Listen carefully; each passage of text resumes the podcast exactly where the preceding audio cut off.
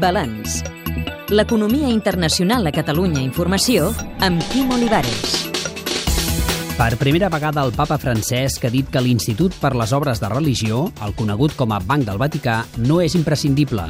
El pontífex té un repte considerable, redreçar aquesta institució sotmesa a investigació per blanqueig de diners. Jason Berry, periodista d'investigació nord-americà, autor de Render and to Rome, la vida secreta del diner a l'Església Catòlica. La ciutat-estat del Vaticà genera enormes ingressos que provenen dels museus i, us ho creieu o no, de la venda de segells i monedes.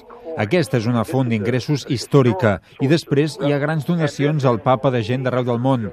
Per tant, la Santa Seu té un flux d'ingressos substancial. El Banc del Vaticà, que respon davant una comissió de cardenals, té uns 7.000 milions de dòlars en actius, però últimament s'han debilitat les seves finances. Les diòcesis catòliques dels Estats Units s'han reduït d'una manera important. Aproximadament es vendran el 25% de les parròquies catòliques dels Estats Units, principalment per fer front als litigis per abusos sexuals del clergat. Des de fa anys, també una altra mena d'escàndols han esquitxat l'organisme financer. La qüestió real és si el Vaticà necessita el seu propi banc, tenint en compte els problemes que ha tingut durant la darrera generació. Amb l'escàndol del Banco Ambrosiano, els dos homes connectats a la Cosa Nostra, a la meitat dels anys 80, Calvi i Sidona, va ser llavors quan van pagar 250 milions de dòlars de multa. I ara hi tornem, 28 anys després, amb acusacions de blanqueig de diners. Per combatre-ho, una de les darreres decisions de Benet XVI va ser nomenar un cap executiu no italià, l'alemany Ernst von Freiberg.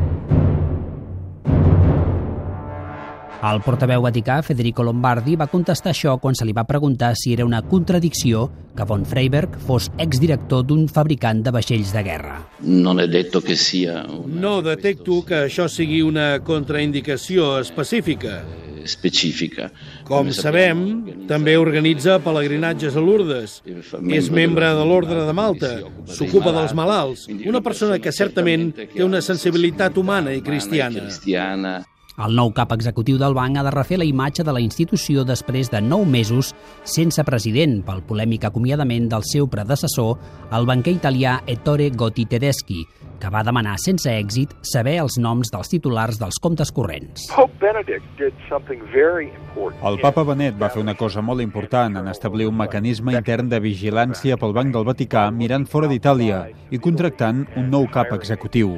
Crec que va posar el banc en un camí raonable per la recuperació.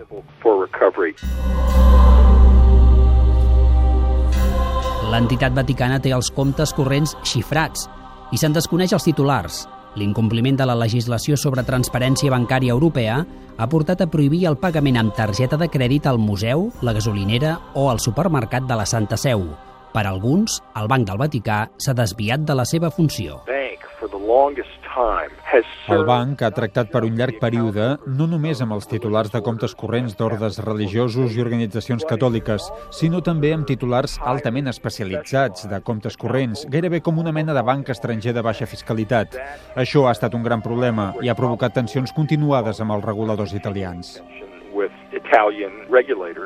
El mateix papa Francesc ha dit aquesta setmana que el Banc del Vaticà és necessari fins a cert punt. No em sorprendria si el papa Francesc decideix tancar el Banc del Vaticà i simplement fa servir els guanys per invertir en un dels bancs a Itàlia.